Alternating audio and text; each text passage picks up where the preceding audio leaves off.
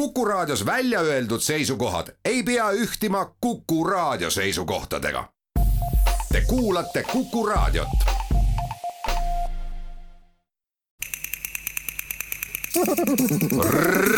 reisirada. ja ühel suveööl kahe tuhande viieteistkümnendal aastal ma hakkasin net, netist guugeldama artikleid La Chaise kohta.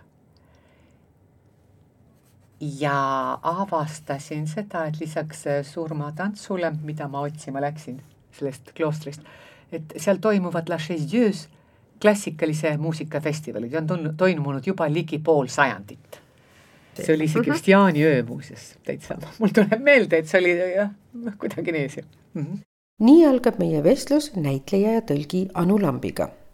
siin Tea Karin, räägimegi saates ühest Anu erilisest reisist, millel oli ka eriline ajend, mis samas on tõeliselt ebaharilik. reisirada järgneb Anule Prantsusmaale, kus avaneb sisevaade Dance Macabrele, kus kõlab muljetavaldavalt hiigelorel ja kus Anu ei pääse seiklustest. Anust on vahepeal näitleja tõlgi kõrval saanud ka Usuteaduse Instituudi magister ning oma tõlketöö eest on ta pälvinud Prantsusmaa kõrge teenetemärgi Ordre National du Mérite. Need asjaolud on kindlasti ka osake sellest, mis sul lasi üles leida nii eriline paik ja seda ühel aastatetagusel jaanipäeval ehk õigemini jaaniööl öisel ajal tehtud otsused võivad olla sageli väga sellised, eh, nad sünnivad kiiresti, võib-olla see ei ole, ole kõigi puhul nii, see võib-olla mingi mõtlematus vist, mida ma olen enda puhul tabanud. et esiteks oli eh, Estonian Air, Air pakkus ka veel sooduspakkumine oli, eks ju, kõik niisugused paljud asjad. Ja ja nii ma läksin, nii ma, nii ma hakkasin La Chaise poole teele minema, mis ei tähenda seda, et ma ostsin need lennupiletid tol ööl ära ja et äh, ma oleksin, see oleks tähendanud päralejõudmist. päralejõudmine tähendas seda, et ma pidin selleks, et jõuda ähm, siis äh, sinna Lõuna-Prantsusmaale, sõitma veel kahe kiirrongiga, üks, mis jõudis Lyoni, teine Saint-Etienne ja siis võtma veel auto. nii et ma alustasin minekut siis lõpuks, kui ma hakkasin, siis ikka nagu see lennuk läheb kell kuus hommikul ja tahtsin jõuda õhtusele kontserdile kell üheksa. Eh, ma tõepoolest sinna jõudsingi, aga ja, ja olin välja arvestanud täpselt selle, et kui ma jõuan sinna Saint-Etienne'i, kust ma pean võtma auto, siis kui kõik läheb plaanipäraselt ja noh, eeldatavasti rongid käivad plaanipäraselt, siis mul on üks, üks paarkümmend minutit või pool tundi aega, kuni pannakse kinni see autolaenutus ja nii täpselt oligi, see oli rongijaamas, ma jõudsin äh, Saint-Etienne'is äh, kiirrongi pealt maha. Elu sees ei olnud ma veel siis kasutanud GPS-i, seal võttis vastu mind üks noor daam äh, ja ulatas mulle GPS-i autovõtmed, tahtis väga ruttu must lahti saada. ma ütlesin, et ma ei ole GPS-iga kunagi toimetanud, et äkki ta aitaks mind, ta ütles, et ta ei saa, tal on randevuu siis. Ja ma üritasin seda GPS-i tööle saada. No ta ei, kuidagi ei, ikkagi ei läinud, ta, ta tuli autosse veel paigaldada, ei olnud niimoodi sees autodes nagu praegu. Ta sellisel kujul, nagu me oleme harjunud, kunagi olid meil autoraadiod, mis käisid välja. nii et ma hakkasin sõitma siis kaarti lugedes ja vaadates vasakule-paremale, tee viitasid, mõnes mõttes oli see kasulikum minek isegi, ma olin tähelepanelikum. ja sa jõudsid kontserdile? ma jõudsin kontserdile kell üheksa siis täpselt nii nagu tõesti ka umbes kakskümmend minutit puudus kontserdi alguses siis selles La Chaise Dieu kloosterkirikus. ja siis ootas selles Prantsusmaa Languedoci kooti arhitektuuri ühes meistriteoses sind ees kontsert, mille vältel kõlas ikka ja jälle Bach nimetuse all Ouverture au Grand Orgue, sest orgel on seal oma hüüdnime orgelbüfee vääriline, suur ja uhke ja kuulus on kloostrikirik ka oma akustika poolest. aga ma ei jõudnud sellesse ööbimiskohta, mis oli kaksteist kilomeetrit ühes väikses külakeses, kaksteist kilomeetrit La Chaise-Dieu'st eemal. kogu see teekond sinna oli selles mõttes ka väga tore, see autoga sõit. Eh, sest no eks ole, ma hakkasin kuue paiku sõitma ja jõudsin kell üheksa kohale siis. et see oli nagu tervitusi teisest ajast natuke, vahepeal ma pidin ootama, sest lehmakarjad läksid koos karjasega, siis lapsed läksid piima järele ämbritega, nii nagu mindi minu lapsepõlves ja võib-olla veel minu laste lapsepõlves, aga juba enam, eks ole, niisuguseid pilte me ei näe. seetõttu olid mitmed niisugused peatused. Eh, aga jah, pärast, siis ma hakkasin pärast kontserti sõitma ööbimiskohta. ja see osutus päris, oli kott pime, see osutus selliseks minekuks, et ma jõudsin kirjade järgi kohale, aga see küla oli täiesti pime. Ja kell oli, tõesti kuskil ei põlenud ka tuli. ma ei tea, kas ma oleks, võib-olla oleks söandanud koputada mõnele uksele, aga mitte mingit viite, et kuskil on hotell, sellist viite ei olnud. raha ööbimise eest ma olin enne ära maksnud ja lõpuks ma seadsin ennast sisse, jää, oli ilmne, et ei ole jää muud üle, kui et ma ööbisin autos kuna oli väga su-, suveaeg, mul ei olnud ka mitte mingit tekkida ja nii edasi, mul oli üks sall, ma tõmbasin selle lihtsalt ümber jalgade, siis oli see hetk, kus ma mõtlesin, et no natuke ikka ma olen hull julge, sest ma läksin ka täiesti üksinda, võtsin selle teekonna ette, keerasin umbes mingisuguse äh, kampsunilaadse asja pea alla, aga hommikul äratas mind kalja kukk, tõesti sõna otseses mõttes üks, üks kukk käis ümber auto, kires ja küsivalt, et mis see siis nüüd siin on? Ähm, ja siis äh, tõusin üles, olingi praktiliselt ühe maja õuel, seal oli näha niisugune väike külavahetee ja kops-, koputasin uksele eh,, väga lahkelt peremees ja perenaine siis taluinimesed võtsid mu vastu, lubasid hambaid pesta, aga muuseas, mul oli mingi niisugune eelaimdus, et ma seal pesin hambad ära. Eh, tualetis, kui ma olin kontserdil mingi niisugune tunne, et äkki see, mul ei olnud see viimane võimalus pesta täna õhtul hambaid ja me hakkasime siis uurima, et kus võiks olla see hotell. Nad ütlesid, et siin külas ei ole mingit hotelli. ja siis lihtsalt selgus, et see oli üle tee maja, ma olin tegelikult selle maja ees ma guugeldasin seda ka praegu, ka praegu on see maja saadaval, see, see oli selline, see oli selline suur maja, need omanikud ei olnud koha peal ja see oli tõesti nii, et et väikese kirjaga siis, et võti on seal umbes ühes sahtlis, mis oli seal sellise varikatuse all. Mm,. natuke oli selline ähm, imelik tunne tühjas majas, seepärast et ma ju päeva ajal olin siis sellel muusikafestivalil, aga äh, aga ma ei lasknud judinatele endale ligi ja siis valisin, seal oli väga palju magamistube ülemisel korrusel, siis valisin lihtsalt ühe ilusa vaatega alla orgu. ja siis võis alata ka selle väikese muusikalembelise kogukonna jaoks organiseeritud kontserdite nautimine nagu ma ütlesin, ma jõudsin selleks esimeseks kontserdiks kohale ja ka kõikidel järgnevatel päevadel ma olin kella üheteistkümnel oli, üheteistkümne ajal oli selline üks siis arutelu muusika ümber ja, ja siis oli mitu kontserdit päevas ja kell üheksa oli selline suurem kontsert, kas siis reekviemiga või mingi suurema teosega ja see toimus selles kloostri kirikus, muidu oli seal veel ümberkaudsetes külades olid, olid festivalikontserdid ja ka sealsamas eh, muusikasaalides, väikestes muusikasaalides La Chaise Dieus mm, ma arvan, et või ütleme muusikaliselt kõige suurema elamuse ma, kaks kontserti, mis ei, ei tege-, nii päris ei saa öelda, võib-olla lihtsalt, et et üks oli no, loomulikult, et sa lähed La Chaise Dieusse ja siis on kontsert, mis on põhjamaise muusikaga, kus mängitakse Finlandiat ja ka teisi Sibeliuse asju ja Kriegi, ongi selline põhjamaine kontsert ja dirigent on Neeme Järvi, siis eh, loomulikult see puudutab sind eriliselt, et kuulata Finlandiat Lõuna, Lõuna-Prantsusmaal. Ja ja hakkad vaatama siis, kes on muusikud, kes mängivad. ja seal on, see oli küll muidugi, klaveril oli Katja Bunjatišvili, aga flöödid, hakkan lugema nimesid ja vaatan Heili Rossin, Hanna Keller, Isabelle Schnöller. no selge on see, et Heili Rossin peab olema Eesti päritolu mm,. ma olin seda nime kuulnud, aga ma ei teadnud täpselt, milline võiks Heili Rossin välja näha, mismoodi ta välja võib näha. ja kui see kogu see orkester siis oli kogunenud lavale ja kõigepealt kõikidel kontsertidel või sedasama suurt puhvetkapp orelit demonstreeriti, iga kontsert algas ühe orelipalaga, umbes kümme või viisteist minutit.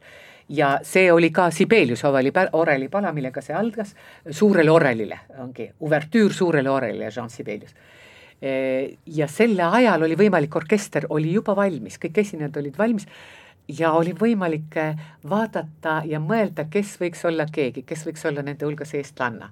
no mööda ma muidugi ei pannud, kui sulle, aga sa tead, et see on flöödil ja vaatad kolme inimest ja üks on Heleda Päine ja siis ja, ja kui, kui see kontsert päris algas, see on jälle niisugune noh, ütleme minu kujutus asjast või ma mõtlen, ma, ma kujutasin ennast tema olukorda, mida see tähendab. Et äh, selle dirigendiga, kes on, seisab seal ees, nad räägivad, nende emakeel on üks. Ja see, kuidas ta enne kontserti oma pilli hoidis, see Heili Rosin. Ja mul oli tunne, et ta äh, ta vaatas selles ruumis ringi, ma, ma vaatasin kogu seda kontserti või selleks häälestamist läbi tema. Ja ta mm, mina arvasin, et ta sel hetkel, ta peab dialoogi oma pilliga, ta justkui suudles teda või andis talle, see selline noh, niisugune toetav musi aga siis, siis on muidugi, et ikkagi see oli kõik niisugune minu lugu, mida ma äh,, äh, mul tundus, et see on see kood, mida üksinda mina loen sellest kontserdist. siis läks mõni aeg mööda ja ma heli, esinesin koos Heili Rosina venna Heigo Rosinaga Tartu Elleri koolis mõned, paar-kolm aastat tagasi. Ja ma rääkisin talle seda lugu siis ta, no ütleme nii, et võttis mu illusioonil, lõi jalad alt ära, ütles, et aga flööti peabki niiviisi, flööti peab puhuma lihtsalt, enne tuleb ta soojaks puhuda, et see on täiesti normaalne. nii et ma olin esi-, ehitanud endale üles sellise loo, mille koodi lugesin ainult mina, aga no see oli, ma arvan, et niisuguses maailmas me elamegi, me näeme seda, mida me tahame näha ja siis muidugi oli tohutult võluv selle juures see, et me, no me oleme näinud Neeme Järvitsa, kuidas ta äh,, kuidas ta äh, dirigeeribki kas ainult ühe õlaga või kuidas ta ühtepidi väga väikse äh,, näiliselt väikse kuluga suunab orkestrit. ja seal ta, ta oli muidugi see mm, dirigent, kelle peale publik tõusis püsti, tema niisugune natuke äh, etendaja loomus tuli ka sealt välja, nii et kui lõpu siis, lõpu mm, lisapala oli juba pärast kontserti, siis ta kõigepealt võttis Peer Kündi, mida, mis oli just, ta, mida oli äsja mängitud, siis sealt ühe pala ja tegi niiviisi, et ta keeras selja ja näitas, äh, näitas publikule siis seda, kui suurepärane esimene viiul, ta ei peagi dirigeerima, ta ei pea absoluutselt vaeva nägema, sellepärast esimene viiul teeb kõik töö ära, see tõesti oli väga nii ilus, nii et sellega publik muidugi äh, no ta sai kogu aeg publikult reaktsioone, see oli niisugune dialoog ja, ja siis, kui see kõik oli selline väga mänguline, lisapala oli möödunud, siis Nemeri pöördus ümber ja ütles Sibelius Andante Festivo. ja see jäigi kõlama, see oli, see oli siis see lõpupala, millega ta pani ka sellise tõsise punkti. ja pärast kontserti, no ta vist on kasutanud sedasama Andante Festivot Sibeliuse puhul, ma olen ka siinsamas pärast Tallinnas kuulnud, aga aga jah, see oli, et see oli ka niisugune meistriklass äh, dirigenti meistriklass või mul tekkis paratamatult niisugune võimalus, no muidugi teised võib-olla ei omistagi nii suurt, seda võib ka natuke suhtuda sellesse kriitiliselt, aga et aga see, aga igatahes oli see väga võluv. eestlasena saalis istudes veel eriti.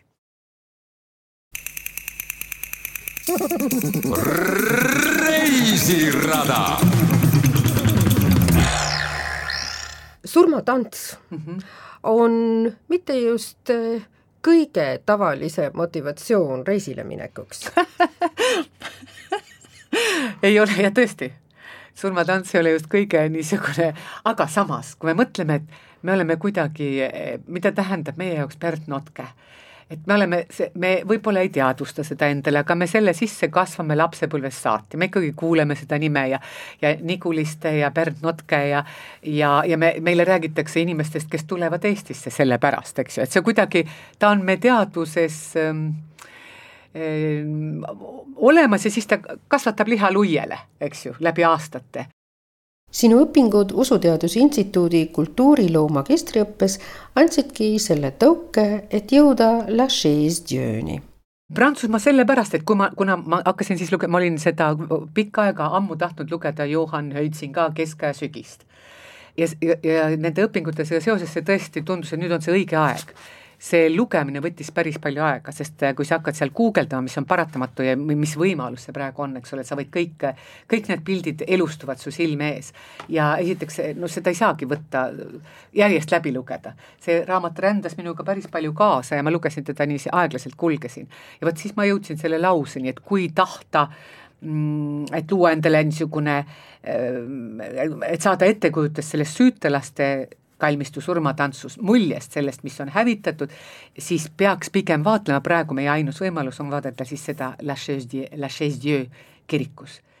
kuidas on siis kirja pandud selgitus Johann Huitzinga raamatus Keskaja sügis? uurimus neljateistkümnenda, viieteistkümnenda sajandi elu ning mõttevormides Prantsusmaal ja hiliskeskaja vaimu ja tundeilmast. kusjuures Huitsinga esitab siin ka sisevaate surma ja teispoolsuse kujutelmatesse ja sa valisid siia lõigu viiendast peatükist. ükski aeg pole sisendanud kõigile säärase tungivusega ja alalõpmata surmamõtet kui viieteistkümnes sajand. lakkamatult kostab läbi elu memento mori, ära unusta surma, hüüd aadlimehele mõeldud elujuhises manitseb Dionüüsius kartuuslane ja voodisse heites mõttelgu ta, et nii nagu ta nüüd ise voodisse heidab, kannavad teised ta keha peagi hauda. usk oli küll varemgi pidevat surmamõtet tõsiselt mällu söövitanud, kuid varakeskaja vagad traktaadid jõudsid ainult nendeni, kes olid juba niigi maailmast loobunud. alles sellest peale, kui koos kerjusordude tekkimisega levis laiemalt rahvajutlus, paisus see manitsus ähvardavaks kooriks, mis fuuga ägedusega kaikus kogu maailmas. keskaja lõpupoole lisandus jutlustaja sõnale kõigile mõeldud pilt, iseäranis puulõige. Need mõlemad väljendusvahendid, jutlus ja pilt, suutsid anda surmamõtet edasi üksnes väga lihtsas, otseses massitoimele häälestatud ja elavas kujutises, eredalt ja teravalt. kõik see, mida varasemate aegade kloostrivend oli surmast mediteerinud, tihenes nüüd äärmiselt primitiivseks, rahvalikuks ja lapidaarseks surmapildiks ning sellisel kujul näidati seda mõtet nii sõnas kui pildis rahvale. surma ümber keerlevast suurest mõttekompleksist võis surmapilt võtta endasse tegelikult vaid ühe elemendi, kaduvuse mõiste. paistab nii, nagu poleks hiliskeskaegne vaim osanud näha surma ühestki teisest vaatepunktist peale kaduvuse. lõputule kurtmisele kogu maise toreduse otsasaamise üle andsid meloodia kolm teemat. kõigepealt oli motiiv, kuhu on jäänud kõik need, kes varem täitsid maailma oma uhkusega siis motiiv, kuidas judinal silmitsetakse kõige selle kõdunemist, mis kunagi oli olnud inimelu. lõpuks surmatantsu motiiv, surm, kes kisub endaga kaasa igast ametist, igast vanusest inimesi. maailma eitava keskaegse inimese vaim oli juba alati meelsasti viibinud põrmu ja usside juures. kirikutraktaatides maailma põlgamisest oli juba esile manatud kõiki lagunemise õudusi. kuid selle kujutluse üksikasjade väljamaalimine algab hiljem. alles neljateistkümnenda sajandi lõpupoole õpib kujutav kunst selle motiiviga toime tulema. tabavaks kujutamiseks skulptuuris või maalikunstis oli vajalik teatav määr realistlikku väljendusjõudu ja see jõud oli saavutatud tuhande neljasajanda aasta paiku. samal ajal kandub see motiiv kirikukirjandusest üle rahvakirjandusse, kuni sügavale kuueteistkümnendasse sajandisse välja ilmutavad hauamonumendid õudselt varieeritud kujutusi alasti laibast, kõdunev või kokku kuivanud, krampis käte ja jalgadega ning pärani suuga väänlevad ussid sisikonnas. Selle kohutava pildi juures püsib mõte ikka ja jälle. kas pole kummaline, et ta ei söanda kunagi sammu võrra kaugemale minna, nägemaks, kuidas ka kõdu taas kaob ning mullaks ja lilledeks saab äge vastikus maise keha lagunemise ees seletab ühtlasi seda kõrget väärtust, mida omistatakse mõningate pühakute laipade kõdunematusele, nagu näiteks Viterbo püha roosa puhul. üks Maarja kallihinnalisemaid hiilgusi on see, et taevasse minek päästis ta keha maisest lagunemisest. siin räägib põhiliselt materialistlik vaim, mis ei suutnud end vabastada mõttest kehale. see on seesama vaim, mis ilmutab end erilises hooles, millega vahel laipu koheldi. Esines komme mõne suursuguse surnu nägu otsekohe pärast surma üle maalida, et lagunemine enne matuseid nähtavale ei tuleks oli üldlevinud kombeks oma elukohast kaugel surnud ülikute laibad tükkideks lõigata ja neid nii kaua keeta, kuni ihu vallandus luude küljest, misjärel luud puhastati ja saadeti kohvris pidulikule matmisele. Sellal, kui sisikond ja muud jäägid sinnasamasse maha maeti. kaheteistkümnendal ja kolmeteistkümnendal sajandil on see komme laialt levinud ja see sünnib nii piiskoppide kui ka terve rea kuningatega. paast Bonifacius kaheksas keelab selle tuhande kaheksasaja üheksakümne üheksandal ja uuesti tuhande kolmesajandal aastal kõige rangemalt ära kui jälgimetsikuse, mida mõned usklikud kohutaval moel ja ettevaatamatult praktiseerivad. ometi anti veel neljateistkümnendal sajandil mõnikord vabastus paavstlikust keelust ja veel viieteistkümnendal sajandil oli see komme Prantsusmaal elavate inglaste sees au sees neljateistkümnendal sajandil tekib kummaline sõna macabre või nagu see algselt kõlas, macabre. Je fis de macabre la danse. ma tantsisin macabre tantsu, ütleb tuhande kolmesaja seitsmekümne kuuendal aastal luuletaja Jean Lefebvre. alles palju hiljem abstraheeriti la danse macabrist adjektiiv mis meie jaoks on omandanud nii selgelt piiretletud ja omapärase tähendusnüansi, et sõnaga makabre võiksime tähistada lausa kogu hiliskeskaegset surmanägemust. makaabrit arusaama surmast leiab meie ajal eeskätt veel külasurnuaedadel, kus on veel kuulda tema järelkaja värssides ja kujudes. keskaja lõpus oli see arusaam suur kultuurimõte siin segunes surmakujutlusse uus erutavalt fantastiline element, judin, mis kerkis teadvuses üles jäise kummitushirmu ja tarretava jubeduse kihtidest. kõike valitsev religioosne mõte transformeeris selle kohe moraaliks, taandas selle memento morile, kuid kasutas meeleldi kogu seda õudset sugestiooni, mille tõi endaga kaasa kujutluse tuntlik iseloom oma tontlikkuses ja lõpuleviimatuses võimendub veelgi La Chaise Dieu kiriku fresko kummituslikkus surmatantsust, ütled sa. aga enne, kui sa täpsemalt vaatad kirikut ja lähemalt seda freskot, valisid sa veel ühe lõigu raamatust Keskaja sügis, mis selgitab surmatantsu tagamaid ja Prantsusmaa osa selliste sõnumite tekkimises surmatantsu ümber grupeeruvad mõned surmaga seostuvad sugulaskujutised, mis on samuti sobilikud hirmu ja manitsust teenima. mõistujutt kolm surnut ja kolm elavat eelneb ajaliselt surmatantsule. Prantsuse kirjanduses esineb see juba kolmeteistkümnendal sajandil.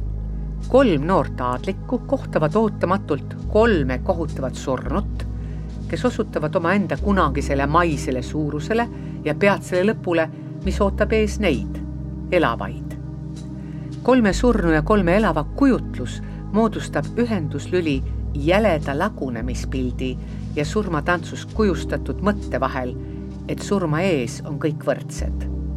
tulgu selle aine kunstiajalooline areng siinkohas ainult mööda minnes jutuks. Prantsusmaa paistab olevat ka surmatantsu kodumaa. ent kuidas see tekkis, kas tõesti mängitud etendusena või pildina? On teada, et Emile Malli väide, nagu oleks motiivide teostus viieteistkümnenda sajandi kujutavas kunstis enamasti laenatud draamaetenduste eeskujult, ei paista oma üldisuses olevat kriitikale vastu pidanud. kuid surmatantsuga seoses võib selle teesi eitamises erandi teha. et siin on tõepoolest etendus eelnenud pildile. igal juhul kas varem või hiljem surmatantsu niisama hästi mängiti kui maaliti või lõigati puusse. oleks meilgi mõninganegi ettekujutus säärase mängu etendamisest, värvidest, liigutustest, valguse ja varju libisemisest üle tantsijate, siis suudaksime veelgi paremini kui Guillaume Marchanti ja Holbeini puulõigete põhjal mõista tõsist kohkumist, mida surmatants inimeste hinges põhjustas. Puulõiked, millega Pariisi trükkal Guillaume Marchand aastal tuhat nelisada kaheksakümmend viis kaunistas Dance Macabre'i esimest väljaannet, järgisid üsna kindlasti kõige kuulsamat surmatantsu. seda, mis tuhande neljasaja kahekümne neljandal aastal oli maalitud süütalaste surnuaia sammaskäigu seinale Pariisis. selle seinamaali all olnud värsid, mille meile on pärandanud tuhande neljasaja kaheksakümne viienda aasta väljaanne, tuleb ehk tagasi viia Jean Lefebvre'i kadunud luuletusele, mis omakorda tõenäoliselt järgis ladinakeelset originaali. olgu kuidas on, süütalaste kalmistu surmatants, mis seitsmeteistkümnendal sajandil koos sammaskäigu lammutamisega kaotsi läks, oli populaarseim surmakujutis, mida keskaeg tundis. Tuhanded inimesed silmitsesid päevast päeva selles kummalises ja makaabris kohtumispaigas milleks süütalaste surnuaed oli, neid lihtsaid kujusid ja lugesid kergesti mõistetavaid värsse, mille iga stroof lõppes tuttava vanasõnaga ja trööstisid ennast kõigi võrdsusega surma ees ning ootasid judinal lõppu.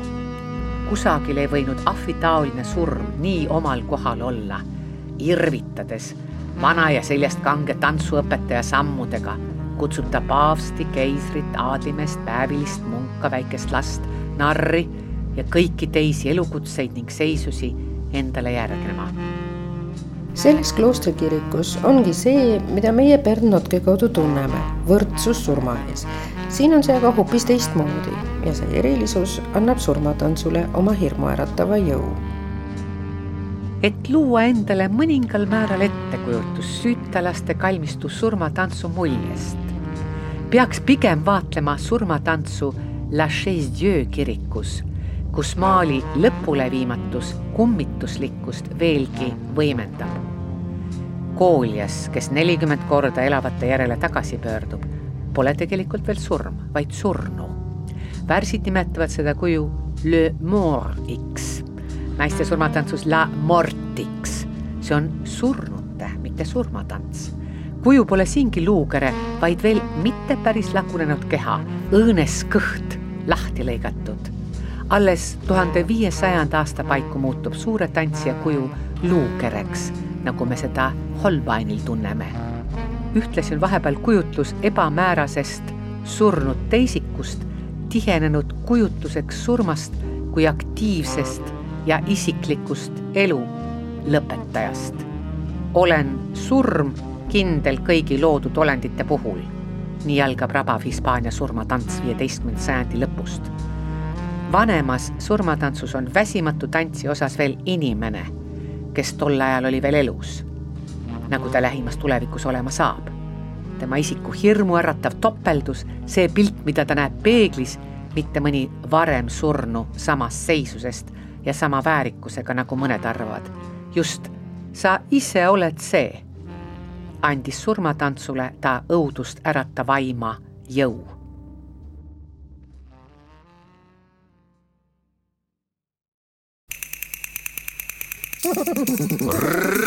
reisirada selle kloostri poole liikumine, et see ei peagi olema kerge, eks ole, see niisugune kloostri ideest kantud mõte. Vaatame siis ka kirikut ennast. teda võiks leida kuskilt äh, esindusraamatutest, kultuuri ajaloo või arhitektuuri ajaloo raamatutest, aga mõnes mõttes temas kajastub selline väga arhitektuuri ajalugu, just see, et, et ta on romaani kirikust ümber ehitatud gooti kirik, ta säilib, on romaani stiil ja on gooti stiil, et ta, ta kannab sellist kulgemise pitserit ja ajastuid ja arhitektuuri ajalooliselt huvitav. Aga jah, selle La Chaise siis Jumala koda, selle kiriku ajalugu algab ühe pühakuga, kelle nimi oli Robert Turland. Ja nii umbes elas siis aastal tuhat üks kuni tuhat kuuskümmend seitse, nii et siis tuhat aastat tagasi. oli katoliku pühak, olevat olnud väga kidura kehaehitusega, nõrga tervisega, aga väga tugeva vaimu ja sellise tegutsemistahtega ettevõtlik mees ja ühtepidi oli tal soov, temas siis soov el-, erakuelu järele ja samas äärmiselt tugev heategevusvajadus, nii et ta ordoneeriti preestriks kahekümne kuue aastaselt noore mehena ja ta tegutses Lõuna-Prantsusmaa eh, linnakese Briudi Saint-Juliani basiilikas, mille juurde ta rajas kohe haigla ja siis palveränturite ja vaeste jaoks, keda sinna vooris päris hulgi kokku. Siis ta ei olnud rahul eh, selle eh, kiriku kanoonikute elukorraldusega ja võttis ette enesetäiendusreisi Monte Cassinosse, ehk siis, et õppida Benedictuse reeglit koha peal otse algallikast. see on, see Benedictuse reegel, see on siis eh, umbes pool aastatuhandet varem katoliku mm, munga eh, ja, ja see üldse munkluse ja kloostrielu rajaja Benedictuse järgi tema nime järgi on see reegel koostatud ja see, see põhimõte, et ora et labora ehk siis palve ja töö oleksid sellises süstemaatilises järjekorras, palve vahelduks tööga. näiteks esimene palve, kui ta on kuskil kella kolme ajal öösel, kolme-nelja vahel, et siis laulda tuleb aeglamas, aeglasemalt, tuleb arvestada seda, et inimesed on natuke unised ja uimased ja sa rääkisid, et neljakümne aastaselt seadis ta end sisse eremiidina ühel metsalagendikul. see paik asus tuhande meetri kõrgusel karmis kliimas, kus enamus aastast oli lumi maas, maavilja ei kandnud ja seal tekkis palverannu kirik, milleni kulgemine on valgustuslik teekond ja mille tema juurde tegid kaasa ka kaks kaaslast. see isegi on täpselt fikseeritud, see nende kolme mehega Sootasse asumise kuupäev, selleks on kahekümne kaheksas detsember tuhat nelikümmend kolm. siis see Türland oli neljakümne kahe aastane. ja kui ta suri, siis see oli selline sündmus selle ümbruskonna jaoks, see oli aastal tuhat kuuskümmend seitse, siis et see vallandas tohutu palverändurite tulva, nii et äh, kõik, kes tahtsid tema põrmule viimset austust avaldada ja matused said toimuda alles äh, mõni aeg hiljem, üle nädala aega hiljem ja pärast tema surma ta kuulutati pühakuks ja tema, tal on kindel pühakupäev, see on kahekümne neljas aprill. nii, tänu annetustele ja pärandustele oli klooster päris heal järjel ja ta oli ühtlasi Prantsusmaa olulisemaid kloostreid, mis kogu sellele ümbruskonnale avaldas tugevat mõju. nii et kui ma olin seal kohapeal, siis ma mõtlesin seda, et mida tähendab, vaatasin neid inimesi, kes seal äh, kohalik juustumüüja, siis äh, käsitöövalmistajad, saiamüüjad, et mõtlesin seda, et kuna see on, kõik need ametid on käinud ka põlvest põlve, et mida see, mm, mida see on tähendanud elada niimoodi äh, kloostri kõrval suguvõsade kaupa selles niisuguses ilmaliku elukaosele äh, vastanduvas korrastatud alternatiivimaailmas, et kas, et kindlasti on see neid inimesi mõjutanud, seda oli kuidagi tajuda siis oli kuueteistkümnes sajand oma tohutute ususõdadega, mis tähendas seda, kiriku keskpaiga ususõjad tähendasid kiriku jaoks eh, kiiret langust. Ja, ja siis, siis läheb veel natuke aega edasi, vahepeal Richelieu küll annab, eh, tema ediktiga taastatakse kõik benediktiinide vennaskonnad Prantsusmaal, aga siis tuleb eh, Prantsuse revolutsioon tuhat seitsesada kaheksakümmend üheksa. ja järgmisel aastal, kohe pärast revolutsiooni, võeti klooster üle kui rahvuslik vara mungad saadeti laiali ja La Chaise-Dieu esimeseks linnapeaks sai kloostri endine munk, nii et talle leiti ka kohe rakendus ühele mungale. kolmkümmend aastat hiljem, siis üheksateistkümnendal sajandil, tuhat kaheksasada kakskümmend, siis moodustati, kui jälle usuelu uuesti taastus ja kirikud hakkasid tööle, siis moodustati La Chaise-Dieu kogudus ja see kloostri kirik sai selle kodukirikuks. Ja nüüd aga kaks sajandit, kõik nii, kaks sajandit ei olnud seal ühtegi munka siis, eks ole, sellena ta ei tegutsenud, alles tuhat, aastal tuhat üheksasada kaheksakümmend neli loodi La Chaise-Dieu'sse uus benediktiinide kogukond ja alates sellest ajast on siis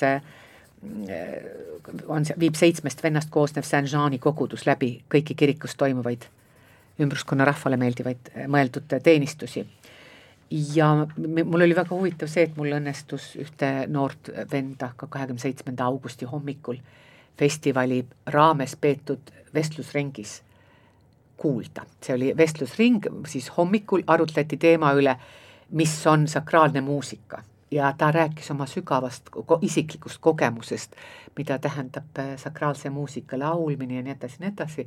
ja mis oli veel väga tore, et see oli, ta, need olid kõik niisugused siis kunagised lood ja ka siis, äh, kuna see keskendus kõik vanale muusikale, aga siis pöörati ka täna, tähelepanu tänapäeva muusikale ja esimene autor, kellest räägiti, oli Arvo Pärt.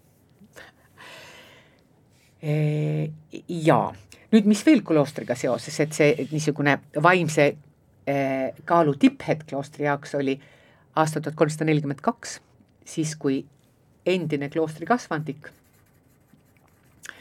eh, kümneaastaselt La Chaise-Dieu's oma vaimulikku teekonda Benediktiinile alustanud Pierre Roger, kui temast sai paavst Clemens kuues.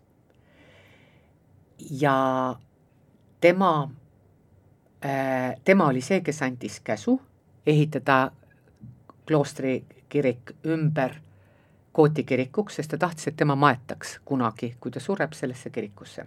tema käivitas selle ümberehitusprogrammi.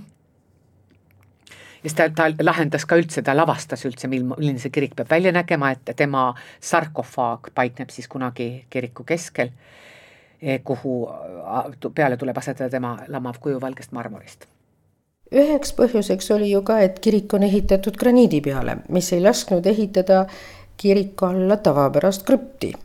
ja see on siis nüüd kaks sajandit on möödas sellest, kui nüüd hakatakse ümber ehitama La Chaise-Dieu'st, La Chaise-Dieu basiilikat.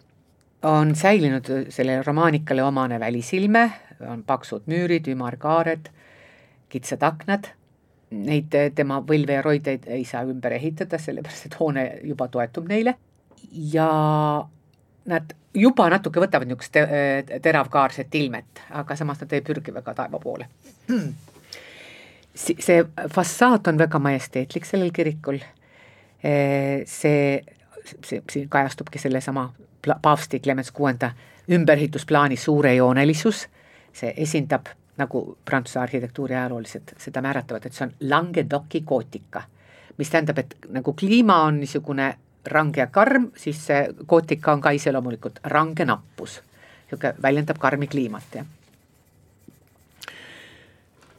sellel kirikul on siis säilinud selline romaanikirikutele iseloomulik poolringi kujuline tümpanon, kolmnurkne viiluväli, mis oli algselt, oli kaunistatud äh, nii tümpanon ise ja nišid skulptuuridega, nii nagu ajastule iseloomulik, aga äh, need ususõdade käigus lõhuti ära ja praegu see tühi, see poolring on tühi ja ta toetub näiliselt ühele ainsale sambale, ühele ainsale skulptuurile, et tegemist on selle kiriku rajaja püha Robert'i kõhu, kõhetu kujuga, ta on niisugune päris välja venitatud sammas, aga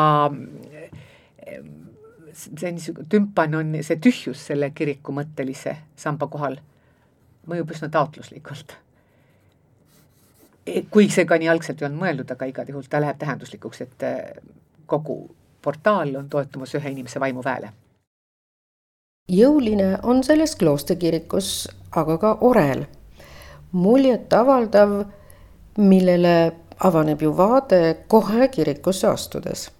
aatrium on ootamatult pikk seetõttu avar, jättes nii piisavalt ruumi, ülal trooniva võimsa punakas pruunist puidust barokse oreli mõjule pääsuks. Prantsuse keeles nimetatakse seda le buffet d'orgue ehk siis puhvetkapp orel.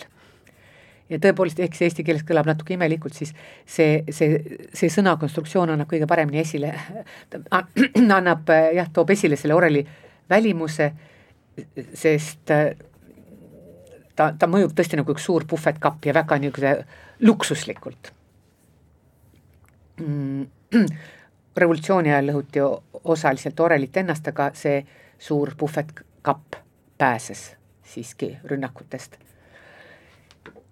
aatrium on muusikafestivali ajal odavate piletite saal, nii et absiidis, absiidis toimuvad kontserdid jäävad siinistule publikule varjatuks ja see publik näeb koori osas toimuvat e, ekraanide vahendusel, ekraanid on kinnitatud sinna heli ei võimendata, vähemalt minul tekkis selline tunne, sest hiljem, kui ma kuulasin kooriruumist kontserte, siis nad olid palju, heli tundus tunduvalt võimsam, nii et ta, ta natuke nagu kaugelt kuuled, mis iseenesest oli eh, oli, see üldse sugugi mitte ei häirinud, vastupidi, pärast see kooriruumist saadud elamus oli selle võrra võimsam.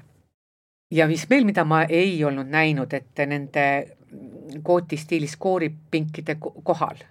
Ja kõik, mis niiviisi piiritleb ja palistab seda kooriruumi, seal eh, rippusid vaibad, üheksa vaipa, ta oli, see kooriruum oli eraldatud vaipadega.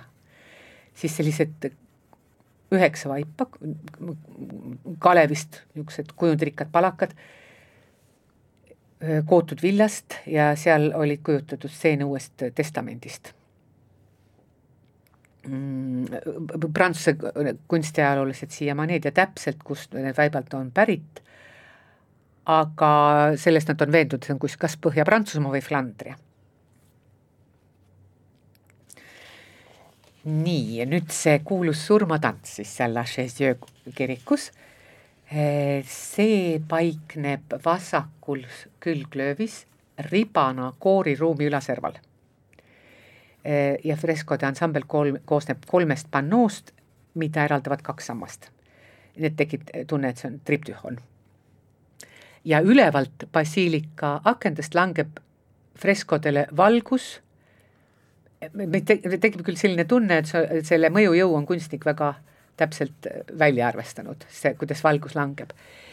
ja seintel on siis kahekümne kuue meetri pikkune protsessioon, milles osaleb nelikümmend kuus tegelat, tegelast kakskümmend kolm elavat, kakskümmend kolm surnut. iga tegelane on umbes meeter kakskümmend on see pikkus.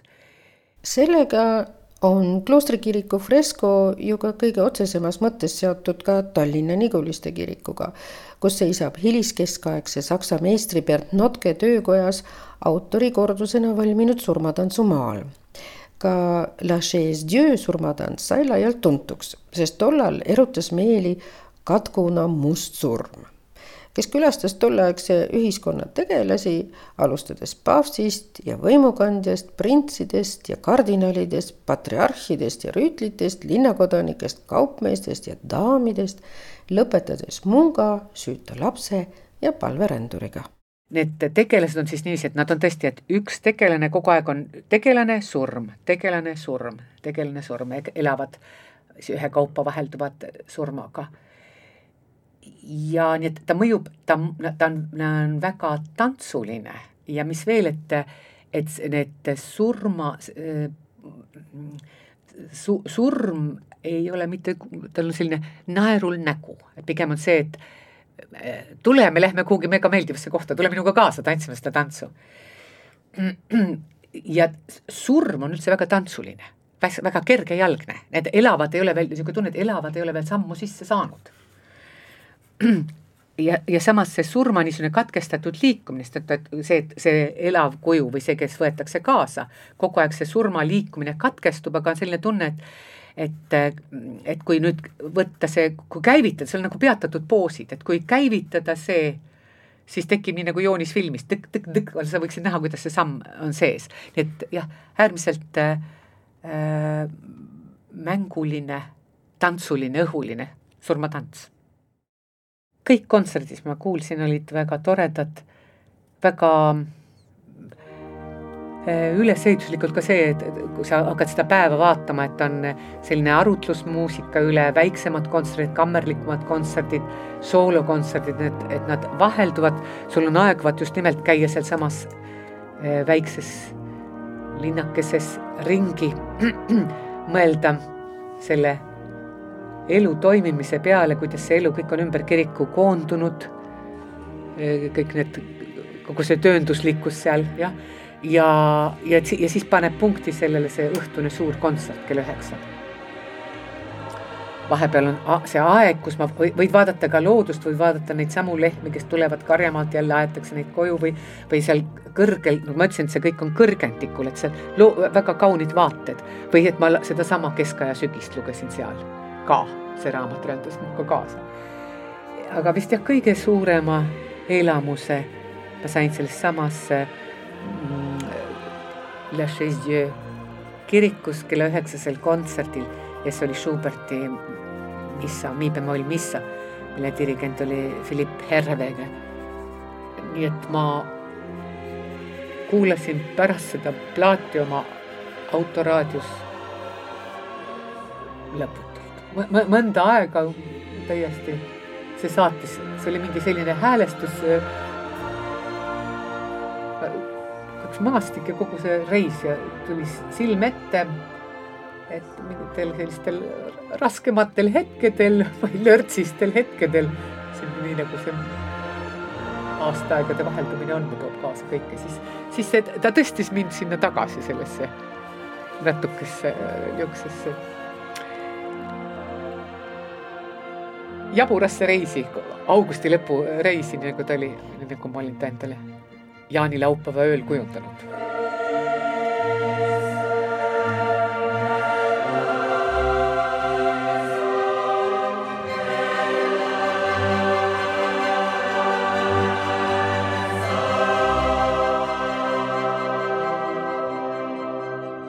Saate tehnilise külje eest vastutas Veiko Rebane, saatejuht Jaak Arin soovib ka teile aega muusika kuulamiseks, mis võib ka teid viia tagasi kaunitesse hetkedesse. las seega kõlada helilooja ja Beethoveni kaasaegse Franz Schuberti loodud Missa M Mi bemoll.